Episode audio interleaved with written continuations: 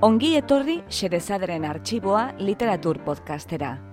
Podcasta hau egiten dugu, saioa gabikago geaskoak, jason elarrinagak eta Ana Moralesek Bilbo iria irratiko estudioan. Guk bezala, zuk ere uste baduzu munduan gauza gutxi direla hain atseginak nola ipuin bat patxada zentzutea, gera zaitez gurekin, eta prestatu munduko kontakizunik bikainenez, Euskaraz gozatzeko.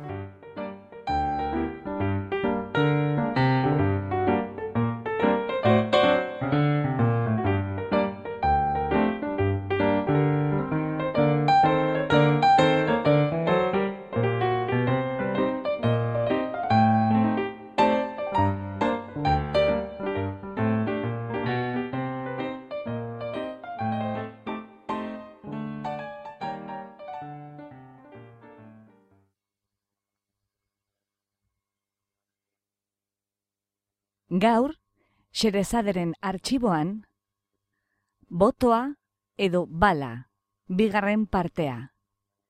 Egilea, Malcolm X, itzultzailea, Ana Morales.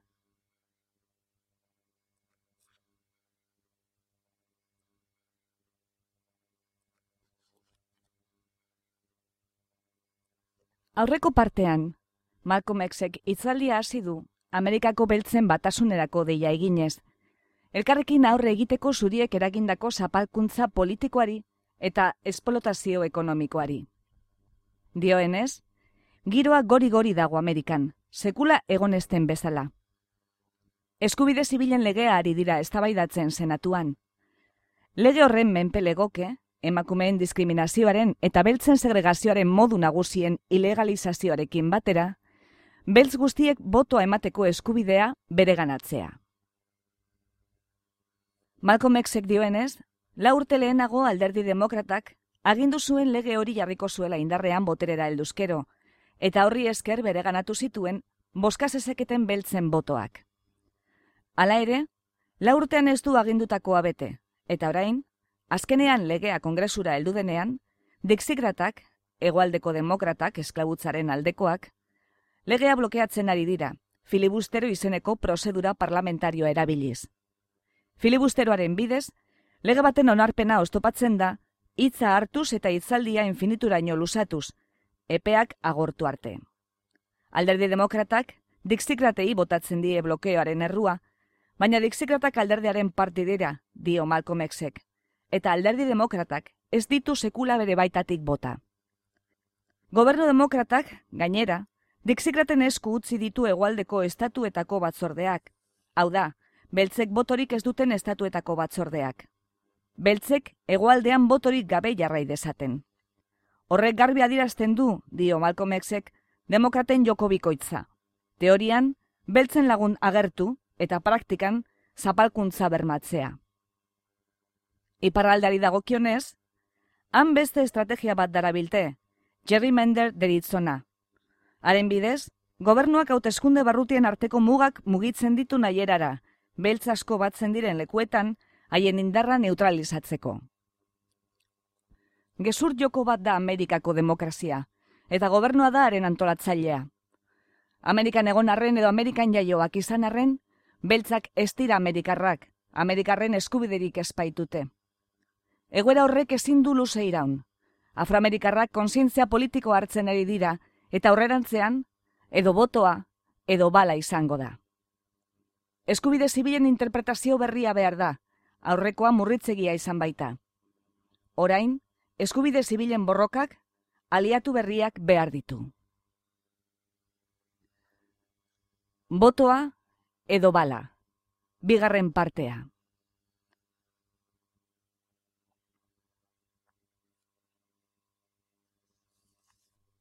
Zelan eman aldizkio zu eskerrak gizon bati, zuena den gauza bat emateagatik. Orduan, zelan emango dizkio zu eskerrak zuena denaren parte bat baino ez emateagatik. Ez du zu ezera aurreratu, eman dizuetena zuena baldin bazen. Hori ez da aurreratzea. Eta asko gustatu zait zelan esan duen, anai alomaksek, zelan esan duen, atzere egin dugula eta mila bederatzeun berro eta malauan ginen leku berean gaudela atzerago gaude, mila bedratzeun da berrogeta malauan baino. Segregazioa handiagoa da orain, mila bedratzeun da berrogeta malaugarrenean baino. Arrasari buruzko ezin ikusi, gorroto eta indarkeria handiagoa da gaur, mila bedratzeun da irurogeta lau honetan. Non dago aurrera pena? Eta orain, beltz gazteak badatoz etorri. Ez dute entzun nahi beste masailaren kontu hori, ez. Jacksonvilleko hoiek gaztetxoak ziren, molotov koktelak botatzen ibili zirenak. Beltzek ez dute sekula hori egin, orain arte. Baina erakusten du jokabide berri bat azaldu dela. Pentsabide berri bat dago bidean. Estrategia berri bat dago bidean. Ilabete honetan, molotov koktelak izango dira, urrengoan eskugranadak, eta urrengoan beste zerbait. Botoak edo balak izango dira. Askatasuna edo eriotza. Eriotza honi buruzko diferentzia bakarra da, oraingoan erreziprokoa izango dela. Badakizu zer den erreziprokoa? Anai alomak zen berbetako bat da. Ostu egin diot. Normalean ez dut alako hitzan dirik erabiltzen, normalean ez naizelako jende handiarekin ibiltzen.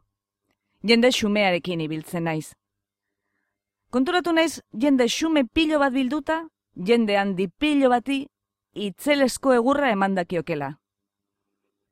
Ez dute zer galtzeko, eta dena dute irabasteko. Eta bereala esango dizute.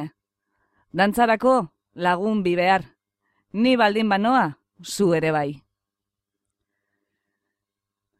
Eskubide zibilen zentzu osoaren interpretazio berri hau egitean, nazionalista beltzek, nazionalismo beltzaren filosofia bezarkatzen dutenek, uste dute eskubide zibilek aukera berdintasuna esangura dutela. Anaia lomaksek aipatu duenez. Ara, eskubide zibilek aukera berdintasuna esan nahi badute, badu arrazoirik eskubideok lortzen saiatzeko. Guk inbertitutakoa batzen baino ez gabiltzata. Gure amek eta gure aitek izerdia eta odola inbertitu zuten. Iruri honetan mar urte eman ditugu lanean herri honetan, txakur txiki bat ere hartu barik ordainetan. Txakur txiki bat ere hartu barik, diot. Eta usten diozue gizon zuriari ona etortzen esatera, zein naberatza den herri hau. Baina inoiz ezarete gelditzen pentsatzera, zelan aberaztu zen, ainarin. Zuek aberaztu zenutelako. Horregatik, Ikusi, orain bertan hemen bilduta dagoen jendea. Pobreak dira. Banan-banan hartuta, pobreak dira. Gutako bakoitzaren astebeteko soldata, utzaren urrengoa da. Baina hemengo guztion soldatak batuzkero, hotzara asko beteko ditugu. Asko da hori. Hementxe bertan dagoen jendearen urtebeteko soldatak batzen badituzu, aberaztu egingo zara. Aberatz baino aberatzagoa izango zara gauzari horrela begiratuta, pentsa orain zelan aberaztuko zen osabazan, ez hemengo jende mordoskarekin, baizik eta milioika beltzekin. Zuen eta gure aita eta amekin. Oiek ez zutelako sortze orduko txandetan lan egiten. Oiek, goizeko ez da ezer ikustenetik, gaueko ez da ezer ikustenera egiten zuten lan. Eta utzaren truke, gizon zuria aberastuz, osaba sam aberastuz. Horixe izan da gure inbertzioa, horixe gure karpena, gure odola. Ez da bakarri gure lana doan eman genuela, gure odola eman genuen. Armetara deitzen zuen bakoitzean, gu ginen lehenak uniformea jantzten. Gizon zuriaren gudu zelai guzti guztietan hil ginen. Gure sakrifizioa handiagoa izan da, gaur egun Amerikan dagoen beste inorena baino gure karpena handiagoa izan da eta gure ordaina txikiagoa. Eskubide zibilek, nazionalismo beltzaren aldekoentzat, hau esan nahi dute. Emaiguzu orain. Ez itxaron datorren urterarte. Emaiguzu atzo. Eta hori ere, berandu da. Tarte bat hartuko nuke orain gauza bat esateko. Zurea den gauza bat eskuratu nahian zabiltzanean, eskubide hori ukatzen dizuna, kriminala da. Ulertu ezazue hori. Zurea den gauza baten atzetik zabiltzanean, eskubide legal guztiak dauzkazu zurea dela aldarrikatzeko. eta zurea den aukatzeko zerbait egiten duena, legea hausten dabil. Beraz, kriminala da. Eta lasen abarmendu zuen auzitegi nagusiaren erabakiak. Legez kanpo utzi zuen segregazioa. Horrek esangura du segregazioa legearen aurkakoa dela. Horrek esangura du segregazionistak legea hausten dabiltzala. Segregazionista kriminala da. Ezin dakioke beste izenik eman. Eta segregazioaren aurkako manifestazioak egiten dituzuenean, legea alde daukazue. Hauzitegi nagusia alde daukazue. Orain, nonk egiten dizue traba legea bete nahi duzuenean? Polizia departamentuak berak? Poliziak txakurrekin eta makilekin. Segregazioaren kontrako manifestazioa egiten duzuenean. Dela eskolen segregazioaren kontra, etxe bizitzen segregazioaren kontra, edo dena delakoa, alde daukazue legea. Eta aurka egiten dizuena, ez dago legearen barruan. Legea hausten dabiltza. Ez dira legearen ordezkari. Segregazioaren kontrako manifestazioan zaudetenean, inok polizia txakur bat zuen kontra botatzeko ausardia daukanean, hil ezazue txakurra. Hil ezazue, benetan dinotzuet, hil txakurra. Berriro diot, bihar kartzelan sartzen banautere, hil ezazue txakurra. Horrela geldituko dituzue. Orain, hemen dauden pertsona zuriek, alako ekintzarik ikusi gura espadute, joan akataren gana, eta esaio zue, agindu diesaiola poliziari txakurrak barruan usteko. Hori da egin behar duzuena. Egiten espaduzue, beste norbaitek egingo du. Honelako erabaki bat hartzen espaduzue, zuen umetsuak hasten direnean, begiratuko dizuete eta esango dute, lotzagarria. Honelako jarrera argi eta garbi hartzen espaduzue, ez dut esan nahi, kaldera joan eta indarkeriaz jokatzen hasi behar zaretenik. Baina aldi berean diot, ez zenuketela indarkeria ezaren bidetik jo behar, zuekin indarkeria ezaren neurriren bat erabiltzen esten bitartean. Nik, indarkeriarik gabe jokatzen dut, nirekin indarkeriarik gabe jokatzen dutenekin. Baina indarkeria sartzen autenean, orduan, soratu egiten naiz. Eta en naiz nirekin zen jabe? Eta las egin beharko lukete beltz guzti guztiek. Legaren barruan zaudela dakizunean, zure eskubide legalen barruan, zure eskubide moralen barruan, justizia zure alde dagoela dakizunean, orduan, eman bizia sinesten dosunaren alde. Baina, ez zaitez bakardadean hil. Zure eriotza, erreziprokoa izan dadila.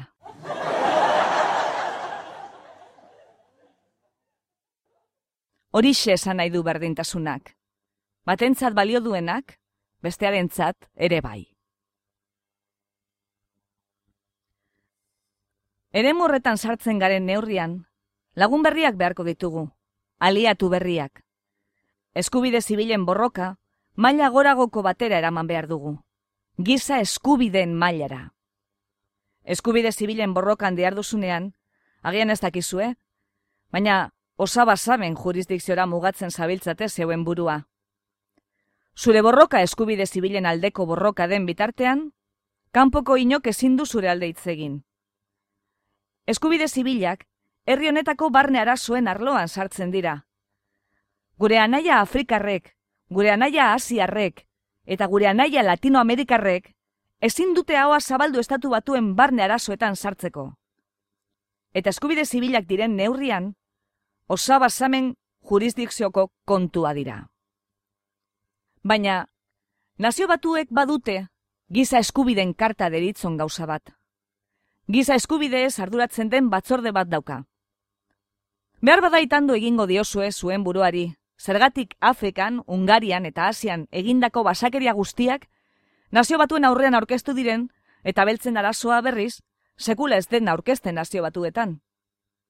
Konspirazioaren barruan sartzen da hori betiko liberal amarruzale begi urdin horrek, zuen eta nire laguna eidenak, gure alde eidagoenak, gure borroka bultzatzen eidabilenak eta guri aholkus laguntzen, horresek berak ez dizue inoiz giz eskubideen konturik aipatzen. Eskubide zibiletan inguratzen zaituzte. Eta hainbeste denbora ematen duzu eskubide zibilen arbolari begira zaunka, jakin ere ez dakizuela lur berean, giza eskubideen arbola azten dela. Eskubide zibilen borroka, giza eskubideen mailara eramaten denean, aurkeztu izango dugu herri honetako gizon beltzaren arazoa nazio batuen aurrean.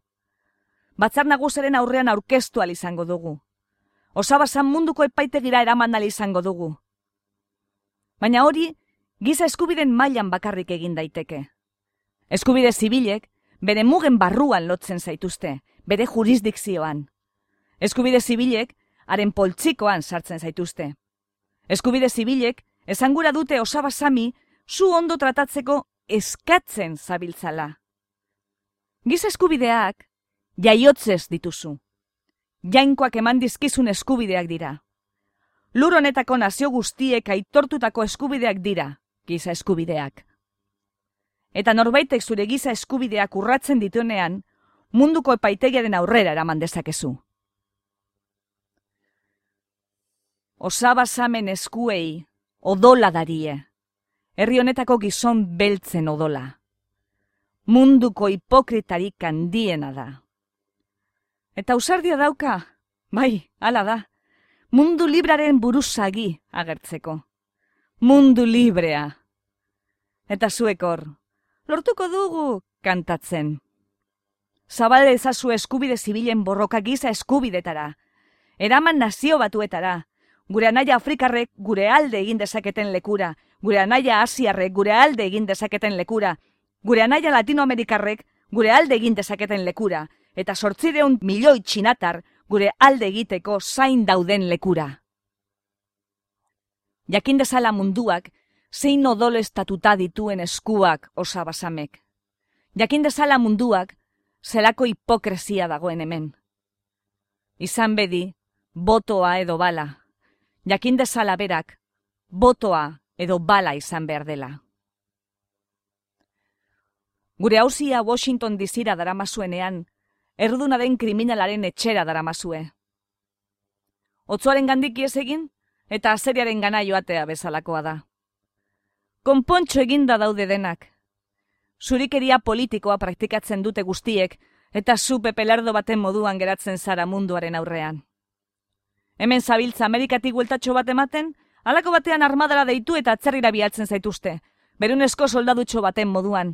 Eta bertara heltzean, jendeak galdetzen dizunean zergatik arezaren borrokan, irribarre lerdo batez erantzun behar duzu. Ez, eraman ezazue osabazam epaitegira, eraman ezazue munduaren aurrean.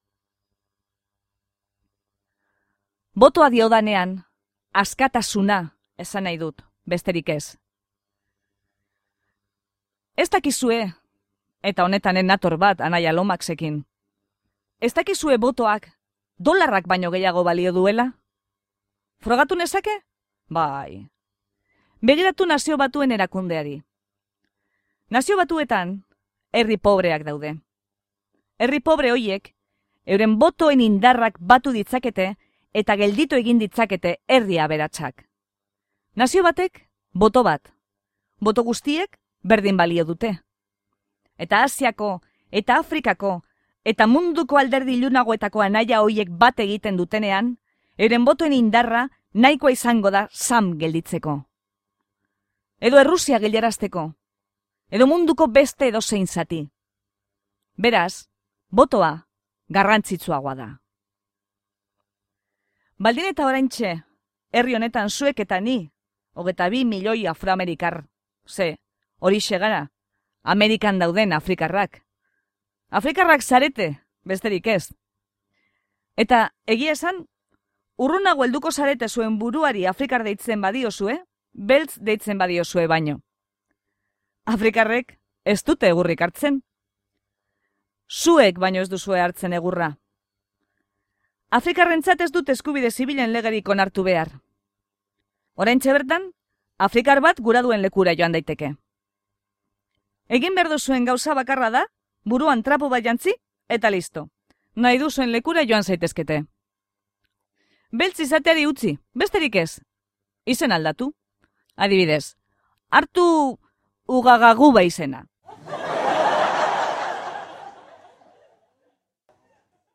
Horrek erakutziko dizue ze tontoa den gizon zuria. Gizon tonto batekin zabiltzate tratuan.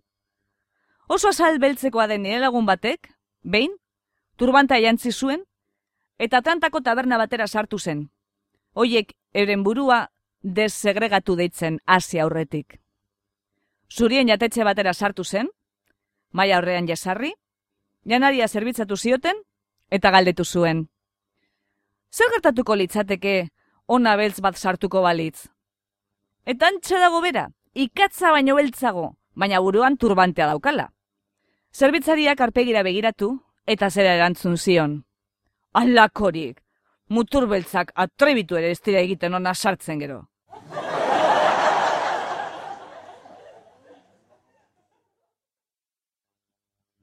Beraz, bere aurreritzi eta juskuekin, egunetik egunera burua eta argitasuna galtzen dabilen gizon batez ari gara.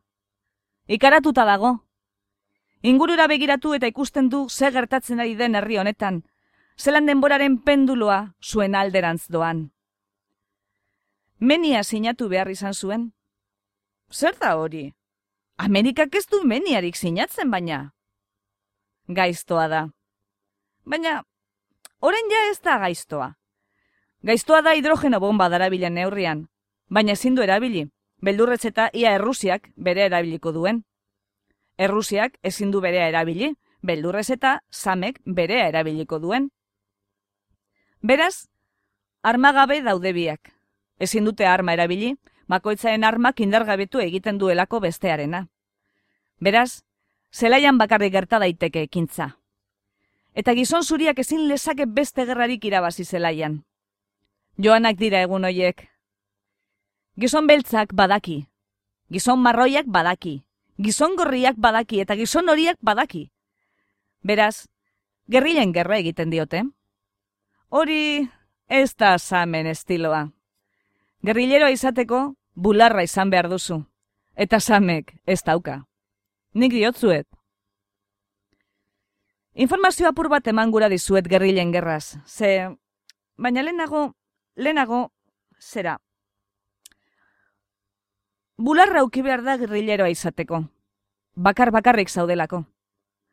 Oiko gerragintzan, tankeak dauzkazu eta jende mordo bat ondoan zuri laguntzeko. Egazkinak buru gainean eta zera hoiek denak. Baina gerrileroa bakarrik dago. Fusila, zapatilak eta katilu bat arroz. Hori baino ez duzu behar. Eta bular handia. Pasifikoko irla hoietako batzuetan, Amerikar soldaduak lurreratzen zirenean, batzuetan Japoniar bakar batek armada osoa gelditzen zuen. Eguzkia eskutatu arte itxaron, eta eguzkia joandakoan parean zeuden.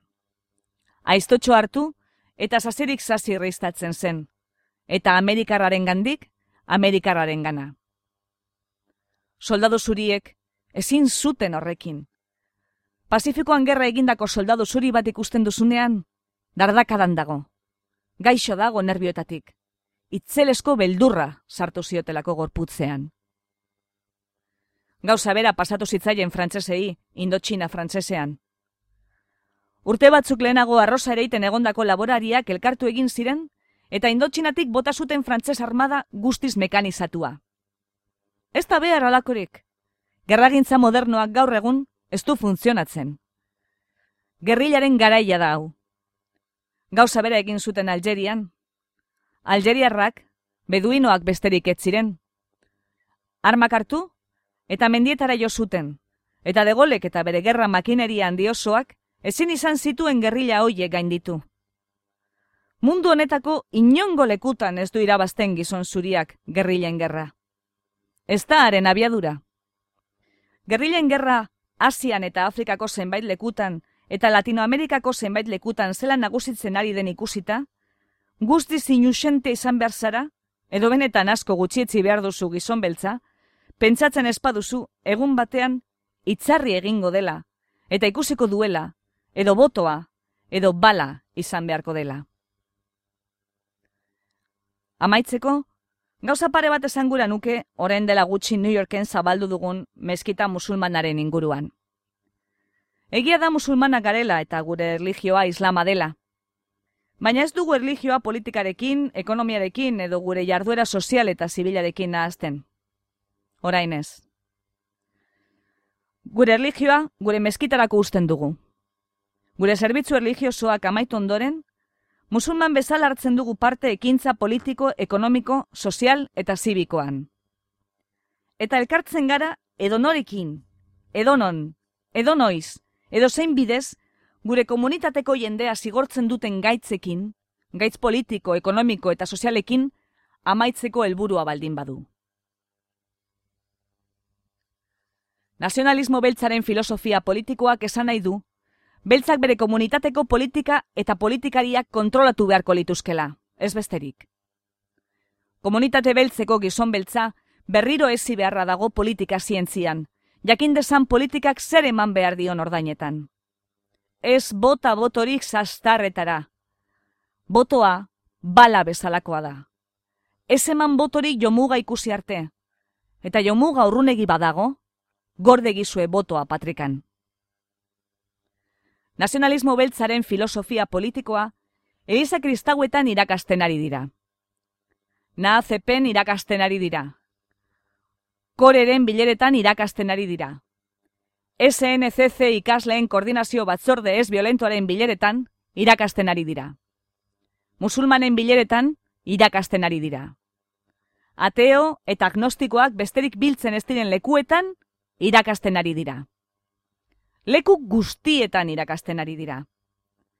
Beltzak, naskatuta daude gure askatasuna lortzeko erabiltzen ohitu garen dudamudazko, oin puntxetako, epelkeriazko plantamenduarekin. Askatasuna nahi dugu orain.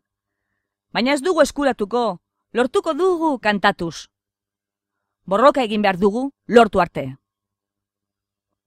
Nazionalismo beltzaren filosofia ekonomikoa oso simple eta garbia da. Bakarrik esan nahi du, gure komunitatearen ekonomia kontrolatu behar dugula. Zergatik kontrolatu behar dituzte zuriek gure komunitateko denda guztiak?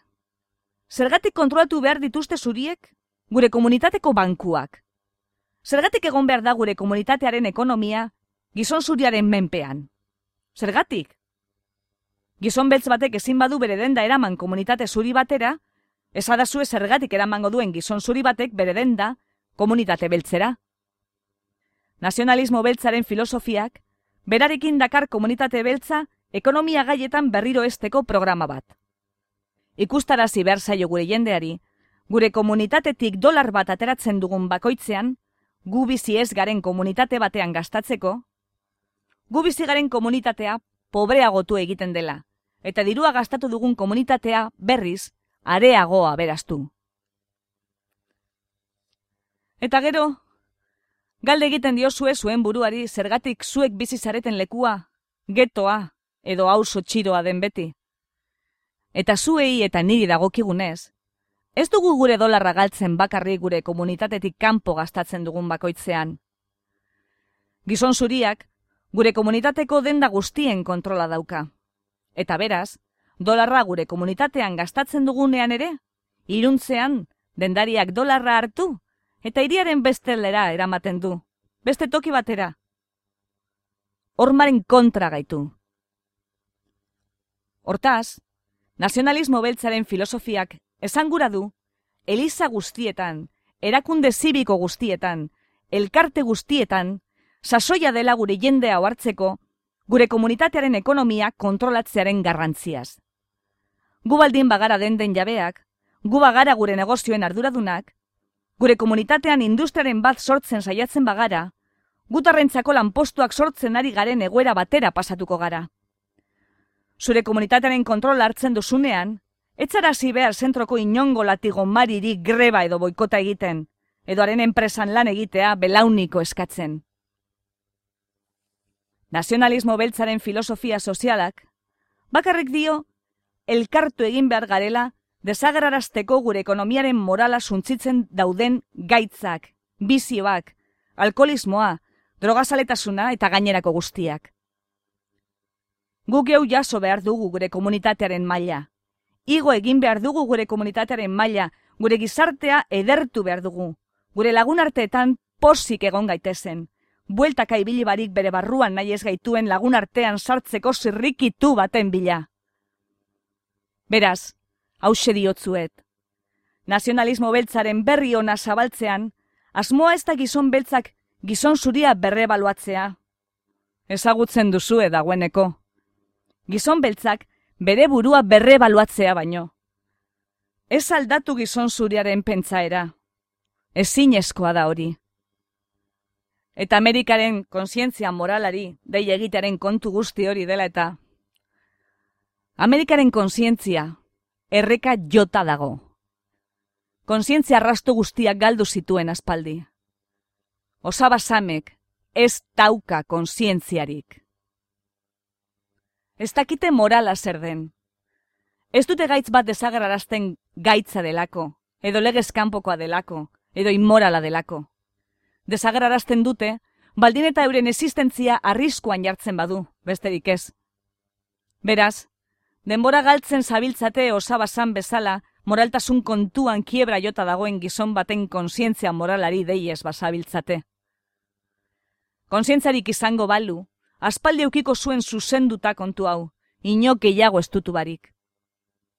Beraz, ez da gizon zuriaren gogoa aldatu behar.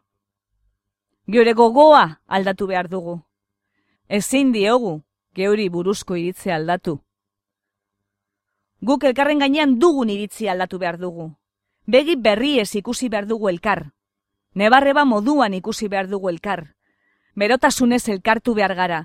Guk euk arazo hau konpontzeko behar dugun batasuna eta harmonia eratu ditzagun. Zelan egin genezake hori? Zelan saiestu genezake jeloskortasuna? Zelan saiestu genitzake gure komunitatearen barruko susmoak eta banaketak? Nik esango dizuet. Ikusi dut, zelan joaten den, Billy Graham, irietara, berak kristoren evangelioa deitzen dion, baina nazionalismo zuria besterik ezten hori zabaltzera. Mundu guztia astintzen du, baina sekula ez du Eliza bat sortzen. Eliza bat sortzen saiatuko balitz, Eliza guztiak aurka aterako litzezkioke.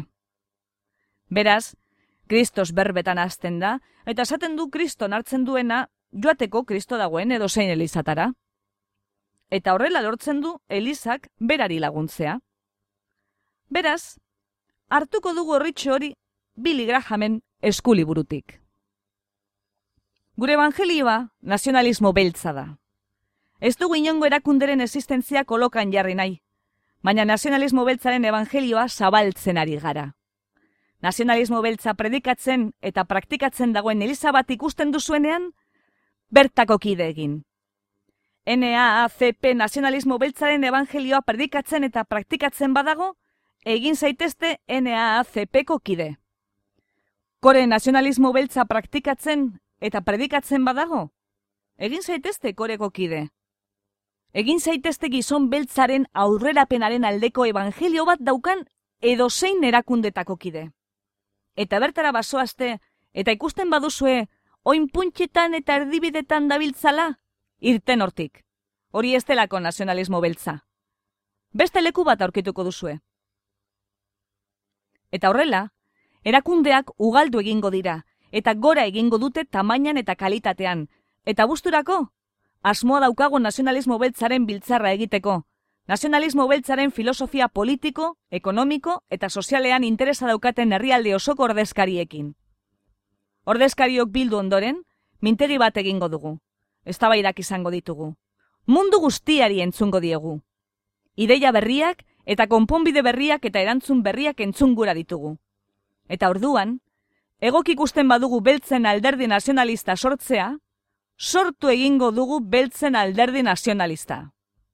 Botoa edo bala izango da. Askatasuna edo eriotza izango da.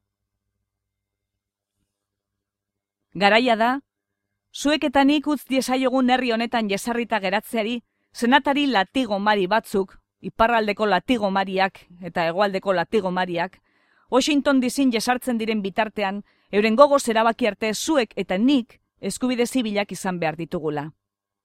Ez dago gizon zuririk niri esango didanik ezer nire eskubide ez. Nebarrebok, Gogoan izan beti hau.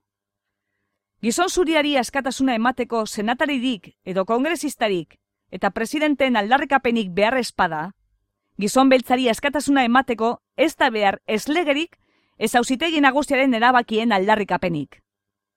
Jakin arazi egizue gizon zuriari. Hau, askatasunaren herria bada, izan bedi askatasunaren herria. Askatasunaren herria espada, aldatu hori. Prez gaude elkarlanean jarduteko, arazoari zuzenean heltzeko benetako interesa daukan edonorekin. Edonon eta edonoiz. Indarkeriarik gabe, etzaiak indarkeriarik ez bilen bitartean. Indarkeriaz, etzaiak indarkeriara jotzen duenean. Zuekin lan egingo dugu hautesleen zerrenda egiteko kanpainan. Zuekin lan egingo dugu errenta grebetan. Zuekin lan egingo dugu eskolen boikotetan. Ez du sinesten inongo integraziotan. Kezkatu ere nau egiten, badakidalako, ez zuela lortuko edo zelan ere. Ez zuela lortuko, hiltzaren beldur zaretelako. Hiltzeko preste egon behar zarete, gizon zuriari zuen presentzia inposatu gura badiozue. Hemen, Mississippiko latigo mari hoiek bezain violento jarriko delako. Hala ere, lan egingo dugu zuekin eskolen boikotetan, eskola sistema segregatuaren kontra gaudelako. Eskola sistema segregatuak burua elbarritua duten umeak sortzen ditu. Baina ez dut esan nahi eskola bat segregatua dela, horra doazen ume guztiak beltzak direlako. Eskola segregatuak esan nahi du, eskola kontrolatzen duela, arekin inongo zerikusirik ez daukan jende batek. Utzi esplikatzen. Barruti edo komunitate segregatua da, komunitate bat non jendea bizi den, baina kanpotarrek kontrolatzen duten komunitatearen politika eta ekonomia. Alderdi zuriari inoiz ez diote komunitate segregatua deitzen. Beltzen alderdia da komunitate segregatua. Zergatik? Gizon zuriak bere eskola kontrolatzen du. Bere bankua, bere ekonomia, bere politika, bere gauza guztiak. Komunitatea.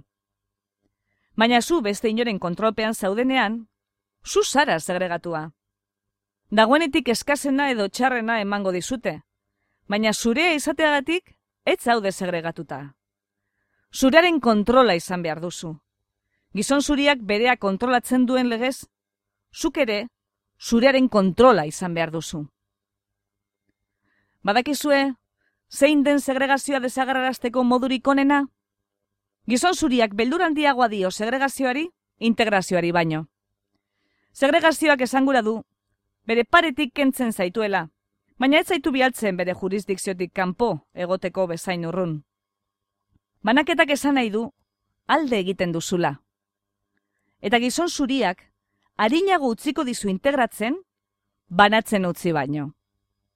Beraz, zuekin egingo dugu lan eskola sistema segregatuaren kontra, kriminala delako, guzti zuntzigarria delako, pentsalitezken modu guztietan, alako eskuntza elbarritzailea jasaten duten umeen bururako. Azkenik, baina ez horregatik garrantzi gutxienekoa, gauza bat esan behar dut eskopeta eta pistolen inguruko eztabaida biziaren inguruan. Nik honetaz esan dudan gauza bakarra da, gobernuak beltzen bizitzak edo ondasunak defendatzeko gogorik edo gaitasunik erakutsi ez duen aldeetan, sasoia dela beltzekoren burua defenda dezaten.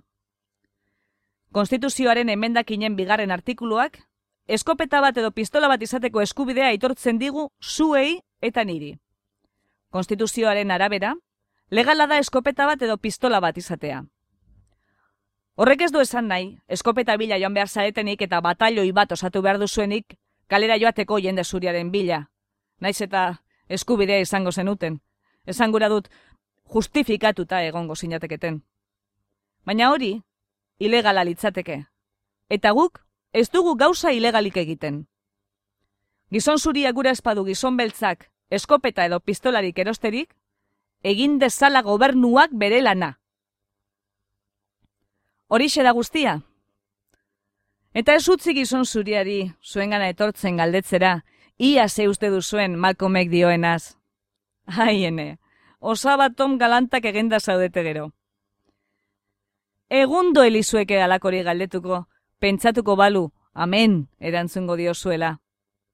Ez, osaba ton bihurtu nahi zaituzte. Beraz, kontu ez da eskopeta dunen taldeak osatzea eta kalera ertetea inoren bila.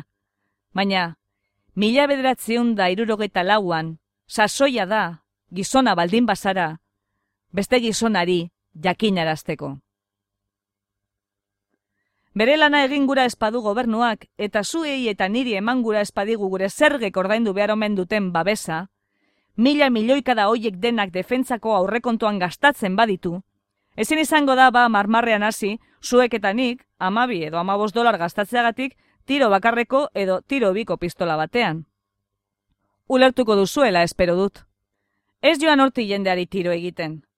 Baina irakurtzen duzuenean, nebarrebok, eta batez ere hemen zaudeten gizonak, zuetako batzuek, kongresuko orezko dominak daramatzazue, eta honen besteko bizkarrandiak dauzkazue, zera baino bular zabalagoa, giarrak zera baino handiagoak.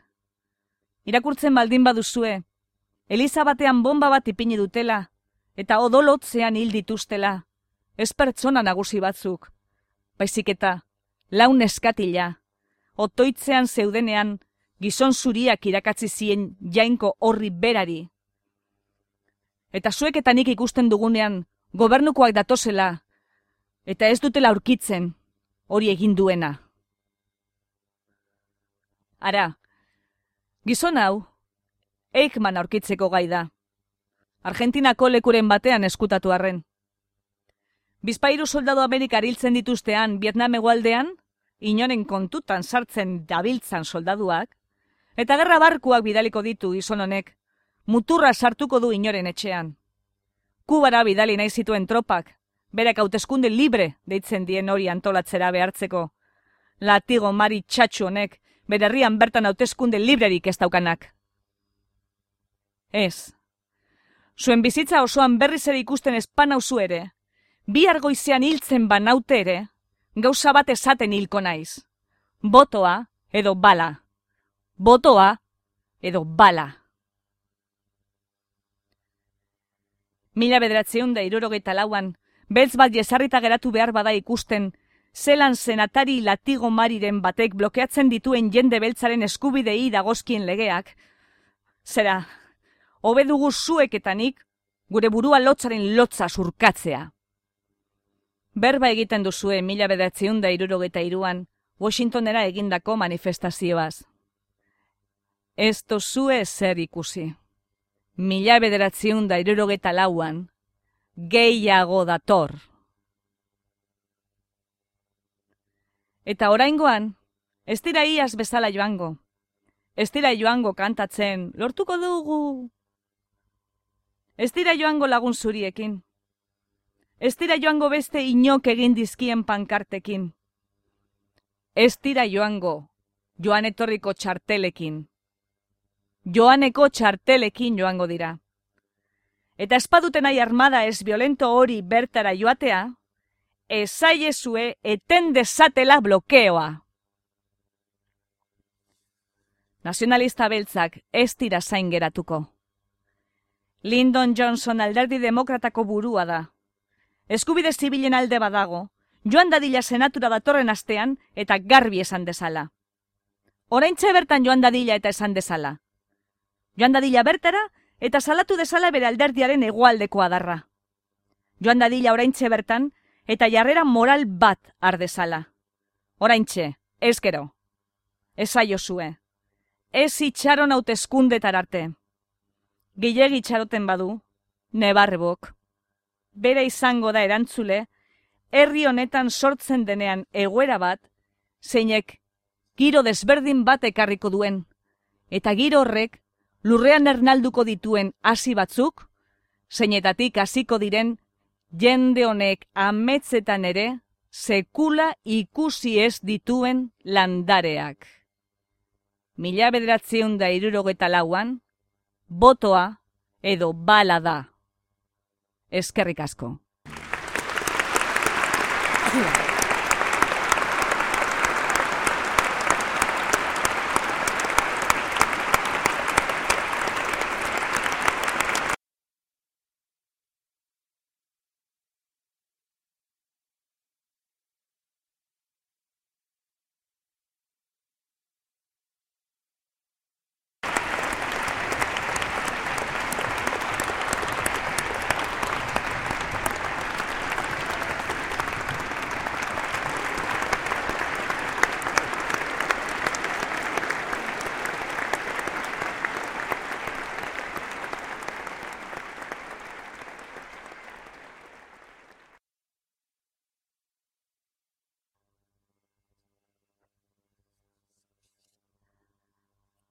Entzunduzu, botoa edo bala itzaldiaren bigarren partea.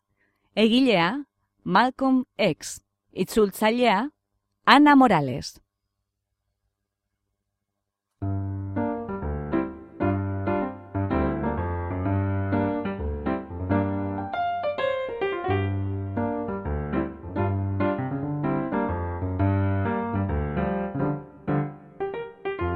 Xerezaderen artxiboko beste atal bat entzun duzu.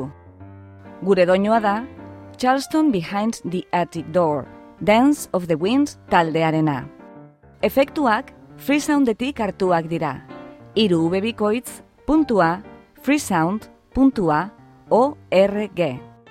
Podcast hau egiten dugu, saioa gabikago geaskoak, jasone larrinagak eta Ana Moralesek Bilbo iria irratiko estudioan. Mila esker gurera hurbiltzeagatik. Gustora egon bazara, etorri urrengo batean berriz ere, xedezaderen arxiboa literatur podcastera. Laster arte!